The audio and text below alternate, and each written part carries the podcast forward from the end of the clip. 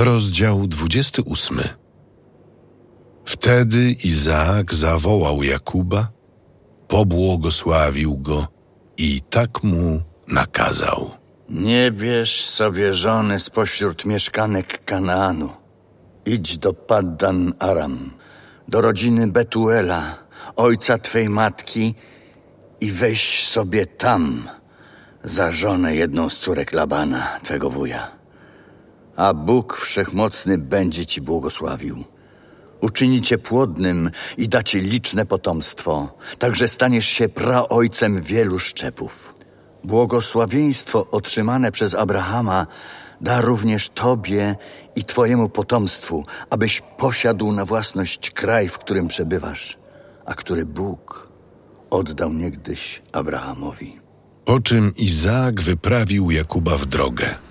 I ten poszedł do Paddan Aram, do Labana, syna Betuela Aramejczyka, brata Rebeki, matki Jakuba i Ezawa.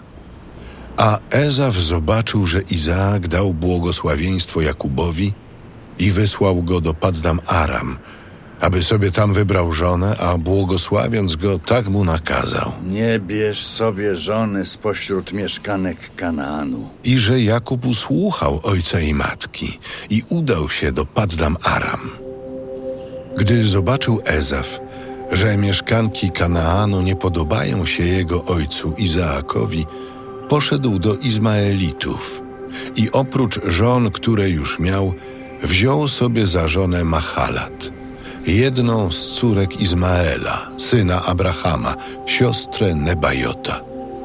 Kiedy Jakub, wyszedłszy z Berszeby, wędrował do Haranu, trafił na jakieś miejsce i tam się zatrzymał na nocleg, gdyż słońce już zaszło. Wziął więc z tego miejsca kamień i podłożył go sobie pod głowę, układając się do snu na tym właśnie miejscu.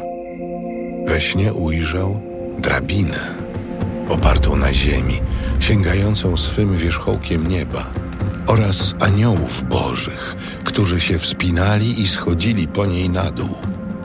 A oto Pan stał nad nim i mówił: Ja jestem Pan, Bóg Twego ojca Abrahama i Bóg Izaaka. Ziemię, na której leżysz, oddaję Tobie i Twemu potomstwu, a potomstwo Twe będzie tak liczne jak proch ziemi. Ty zaś rozprzestrzenisz się na zachód i na wschód, na północ i na południe. Wszystkie plemiona ziemi otrzymają błogosławieństwo przez Ciebie i przez Twych potomków. Ja jestem z Tobą i będę Cię strzegł, gdziekolwiek się udasz, a potem sprowadzę Cię do tego kraju, bo nie opuszczę Cię, dopóki nie spełnię tego, co Ci obiecuję. A gdy Jakub zbudził się ze snu, pomyślał Prawdziwie Pan jest na tym miejscu, a ja nie wiedziałem. i zdjęty trwogą rzekł: O jakże miejsce to przejmuje grozą. Prawdziwie jest to dom Boga i brama do nieba. Wstawszy więc rano, wziął ów kamień, który podłożył sobie pod głowę, postawił go jako stelę i rozlał na jego wierzchu oliwę. I dał temu miejscu nazwę Betel. Natomiast pierwotna nazwa tego miejsca była Luz. Po czym złożył taki ślub. Jeżeli Pan Bóg będzie ze mną, strzegąc mnie w drodze, w którą wyruszyłem, jeżeli da mi chleb do jedzenia i ubranie do okrycia się, jeżeli wrócę szczęśliwie do domu mego ojca, Pan będzie moim Bogiem. Ten zaś kamień, który postawiłem jako stelę, będzie domem Boga.